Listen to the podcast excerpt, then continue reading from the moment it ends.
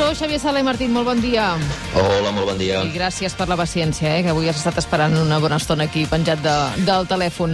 Uh, abans d'entrar en matèria, perquè avui m'agradaria parlar, entre altres uh, qüestions, d'aquest passaport uh, sanitari, passaport Covid, que sembla que ens ha de permetre tots moure'ns amb certa llibertat uh, per Europa aquest estiu, m'agradaria demanar-te per uh, tot l'escàndol Barça-Gate, i més ara que tenim uh, l'expresident Bartomeu i el seu examadreta Jaume Masferrer també declarant als jutjats, doncs saber com creus tu que tot això afecta el club en un moment com aquest, en què diumenge hi ha eleccions a la presidència?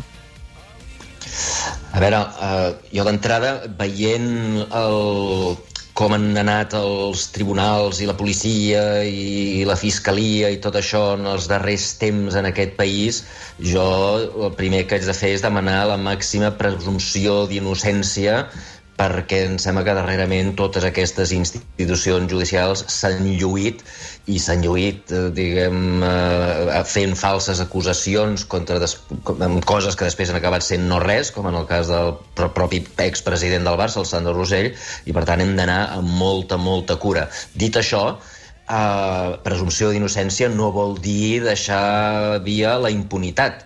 Les acusacions que es fan són molt greus i en cas de... molt greus, vol dir, s'ha utilitzat un milió dos-cents mil euros del Barça per desprestigiar els propis jugadors del Barça, com Piqué, eh, exentrenadors com el Pep, eh, expresidents com el Laporta, i, i, i si això fos cert, si després de fer les investigacions això fos cert, jo crec que el Barça hauria d'actuar eh, perquè se sapigués tot, perquè hi hagués la màxima transparència i perquè no hi hagués impunitat. Perquè això eh, com, com bé suggereix la teva pregunta, tindrà implicacions molt greus sobre el nom del Barça. Mm. Eh, sigui o no sigui cert, eh, el, les simples acusacions, el fet de que el president estigui, expresident estigui declarant als tribunals, això ja degrada la imatge eh, i això, per exemple, tindrà conseqüències en el, quan el proper president el diumenge, dilluns que ve, vagi a demanar renegociar els contractes amb els sponsors, el primer que diran els sponsors diran, escolta'm, per què hem de pagar amb un club que està immers en, una, en un escàndol que a nosaltres no ens va bé, en el nostre marca, en el nostre, en el nostre en l'empresa que voleu que pagui, eh, no va bé lligar-se amb el Barça. Eh, I, per tant, eh, i això és només un exemple, eh? i ara s'està creant una Superliga o potser una nova definició de Champions que inclourà els millors equips, i el Barça es queda fora d'aquesta llista eh, patirem econòmicament, i, i per tant això tindrà implicacions eh, eh, eh, importants econòmiques i el que ha de fer el proper president és ser el màxim de transparent i, i donar tota la informació que, que calgui Uh, i si realment això és, uh, eh, diguem, és cert, doncs s'han de depurar responsabilitats. Ara, repeteixo, uh, tot això pot acabar sent un altre bul uh, com els que ja ens tenen acostumats, aquests fiscals i aquests, i aquests jutges, que sembla que en aquest país l'estat de dret hagi desaparegut. Mm. Per tant, eh, paciència i esperem uh, els esdeveniments. Eh? Vinga, va, doncs deixem estar al Barça, que sembla que en tindrem per dies. Entrem en territori de, de coronavirus.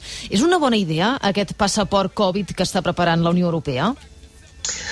A veure, la idea... Eh, primer prenem la idea i després l'avaluem. Vale? Primer, primer, la idea és que, diguem, eh, eh, si hi hagués passaport Covid, si poguéssim garantir que la gent eh, que entra al restaurant, que va amb un avió, que entra en un avió, que es posa en un creuer, que entra en un parc temàtic eh, o que entra en un hotel, si podem garantir que aquesta gent no tindrà virus i no podrà passar el virus, doncs aleshores és un bon argument per dir, escolta, sapiguem qui és qui i aleshores fem zones eh, de salut on no pot haver-hi gent contaminada. Eh? Per, llavors, quan tu t'apuntes amb un creuer, doncs resulta que estàs tranquil, o en un hotel o el que sigui, estàs tranquil perquè tots els que t'envolten estan vacunats i, per tant, ningú li podrà agafar la vacuna i això permetria que tots aquests negocis que han patit molt, que han tancat, perquè ara mateix estan tancats els bars, els restaurants, els creuers, els parcs temàtics, els avions, no estan tancats, però estan gairebé tancats o estan arruïnant-se perquè no poden fer negocis, doncs això permetria que tots aquests sectors, i per cert, el nostre país, diguem, depèn molt d'aquests sectors, és un dels països que més depèn d'aquests sectors perquè som molt dependents del turisme, doncs això ens permetria eh, diguem, sortir de la crisi d'una manera més, eh, diguem, ràpida, no? Mm. Ah. Uh, problemes. Mm problemes. S'ha dit que un dels problemes és que no està, des del punt de vista epidemiològic, no està clar que les vacunes mm, impedeixin que tu tinguis virus i el transmetis. Uh, algunes de les vacunes almenys et diu que el que impedeixen és que si et, posa, si et poses malalt, uh, siguis malalt greu. Eh? Però, si... però no que et posis malalt. I, per tant, tu podries seguir transmetent encara que estiguessis vacunat. Eh? Um, a mi aquesta crítica no m'agrada, no, no, la, no la veig mm, correcta, perquè si eh, si tu vas amb un creuer i està tothom vacunat, encara que tu eh, t'infectis, eh, doncs no podràs infectar els altres que ja estan vacunats. Eh? I per tant, no, no, no, és, no crec jo que sigui un bon argument. El segon problema, que jo crec que sí que és un problema, és, des de, és un problema ètic. Uh, no pots prohibir a la gent anar a agafar un creuer o agafar un avió perquè no s'ha vacunat si tu no els deixes que es vacunin. Clar, eh? clar. Uh, si, tu, si no hi ha prous vacunes per tothom, no? la gent diu, jo, escolta'm, jo vull anar amb els meus fills a Disneylàndia. Doncs no, vostè no pot anar a Disneylàndia perquè els nens no s'han vacunat. Dius, vacuni'm els nens. No, els nens no els no vacunem. clar. Ah, llavors dius, escolta'm, no, no és just perquè, perquè, perquè uns que sí que han tingut accés a les vacunes poden entrar a l'avió o poden entrar al restaurant i nosaltres que volem vacunar-nos no ens deixen. Una altra cosa és quan ja tothom hagi tingut accés a les vacunes, eh, que hi hagi gent que insisteixi eh, per qüestions ideològiques, perquè no entén la ciència o perquè no li dona la gana, doncs no, no, aquesta gent no se'ls deixi entrar si no es volen vacunar, si tenen l'opció de vacunar-se mm, i no volen, doncs que no se'ls deixi entrar al restaurant o en el creuer. A mi això no em semblaria malament eh, i de fet és el que ja fem amb les escoles. Fixa't que ara mateix a les escoles, tu per matricular-te a Catalunya, l'altre dia vaig estar mirant requeriments eh, a la pàgina web de la Generalitat i et demanen el carnet de vacunació. Sí, i tant, sí, sí, sempre. I, i, exacte, i per tant, si tu, tu tens dret, eh, tu tens dret amb la teva ideologia, ja siguis el Miguel Bosé, la Victòria Abril o qui sigui, a no vacunar-te, no, però els altres tenim drets a, no, a que no vinguis a infectar-nos a nosaltres o que tu no puguis anar a les escoles on hi ha els meus nens perquè tu els puguis, els puguis eh, infectar. Vale? Tu tens dret a fer el que vulguis, però nosaltres tenim dret a aïllar-nos i a protegir-nos eh, i, i, per tant, a, a mi això no em semblaria malament. Ara bé, el problema d'això quin és? que tot això passarà quan ja tothom estigui vacunat mm. i llavors ja no caldran carnets, no?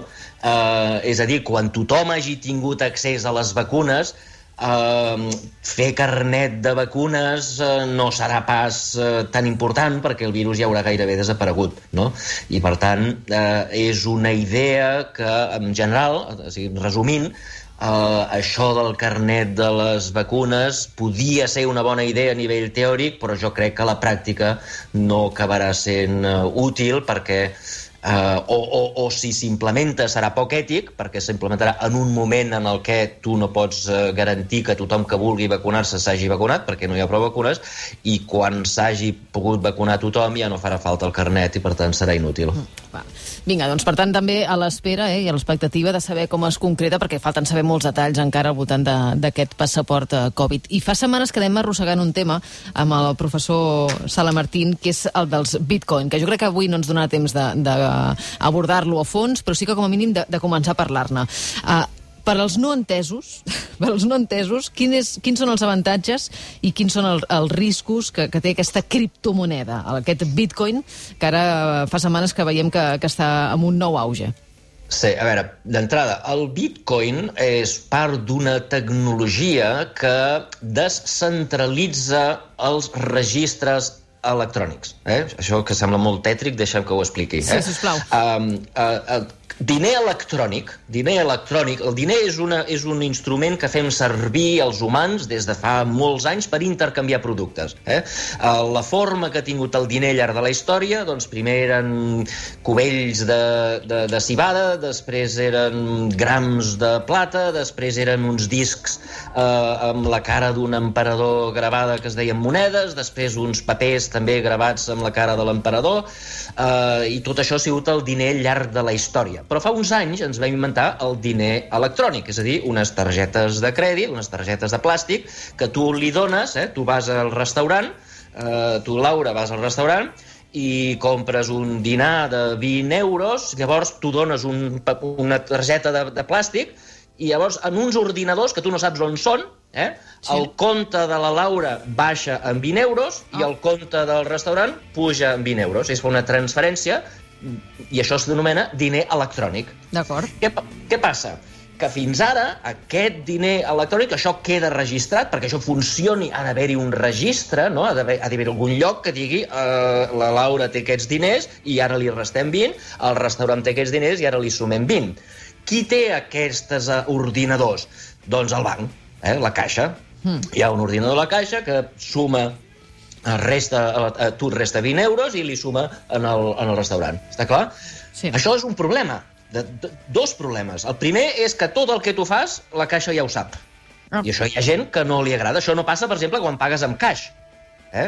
Uh, tu vas al restaurant i pagues amb bitllets o pagues amb monedes i eh, els de la Caixa no saben on has estat, mm. ni els, ni els de la Caixa, ni el ministre, ni ningú sap on has estat. Ho saps tu i prou.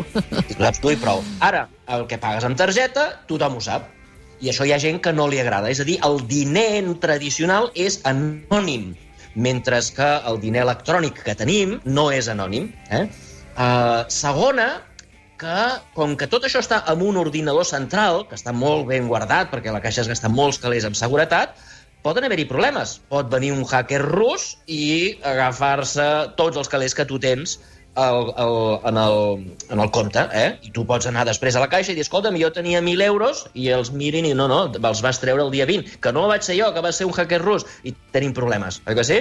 Eh, perquè tot això està en un sol ordinador, està centralitzat. Doncs bé, el Bitcoin és una manera de solucionar aquests dos problemes. Eh? És un sistema complicadíssim que fa que en lloc dels de comptes estar tots registrats en un sol ordinador, a la caixa, doncs estan registrats en centenars o milers d'ordinadors. Eh? Uh, de manera que si ve un hacker rus no pot hackejar un ordinador, n'ha de hackejar 5.000. I això mm. no és possible. Per tant, és molt més segur molt més segur que, eh, diguem, que el que tenim ara. A més, pot venir un hacker rus o pot ser que algú de dins de la caixa es torni boig i et vulgui robar els diners o poden passar coses. Si hi ha un ordinador, és molt més fàcil fer això, que no pas si n'hi ha 5.000. I segona, a, a tot això, aquest sistema que es diu Bitcoin, o que es diu que, que, que, que diem, diem, ha diversos, eh? però, però el que estem parlant avui és el Bitcoin, doncs eh, no només eh, es centralitza, sinó que és anònim. És a dir, que no queda registrat amb el teu nom en lloc que tu has anat al restaurant. I, per tant, soluciona els dos problemes. Quin és el problema que hi ha ara? Doncs que hi ha hagut una sèrie d'especuladors que han dedicat, s'han dedicat a comprar aquestes monedes, que fa 5 anys valien un euro, després van valdre 50, 500, 5.000, i ara està valent al voltant de 50.000. I aquest, com que són gent que està especulant, que està comprant bitcoins, no per fer-lo servir, no per anar al restaurant, sinó perquè esperen que pugi de preu, és a dir, estan especulant, eh, a les, això fa que el preu sigui molt volàtil que un dia val 50.000, la setmana passada valia 57.000, ahir valia 45.000, és a dir, que puja i baixa d'una manera brutal. I clar, quan una cosa puja i baixa de manera brutal, en, en termes econòmics el que diem és que és molt volàtil, aleshores no serveix com a diner. Perquè tu imagina que tu poses el preu d'un automòbil a un bitcoin, 50.000, eh, eh, eh, un bitcoin, no? La setmana passada el preu del cotxe hagués sigut 57.000 euros, 57.000 dòlars, mm. eh que sí? I aquesta setmana el preu seria 45.000. Clar, si tu tens un negoci que vens una cosa que un dia pot valer 57 i l'endemà pot valdre 45, aquest negoci no pot funcionar, perquè a 57 guanyes molts calés i a 45 igual perds. I, per tant, el fet de que sigui tan inestable, tan volàtil degut a l'especulació, fa que en aquests moments no sigui una moneda, que és el que intentava ser, el que volia ser, una moneda estable que la gent faci servir per anar al restaurant i que només sigui un pou d'especuladors eh, i que el preu sigui subjecte al que els economistes anomenem bombolles especulatives. Doncs uh, queda feta aquesta primera pinzellada. N'haurem de seguir parlant, si et sembla bé, en, la, en una propera edició de, de l'informe Sala i Martín. Professor, moltes gràcies, molt bon dia. Perfecte, bon dia. Gràcies.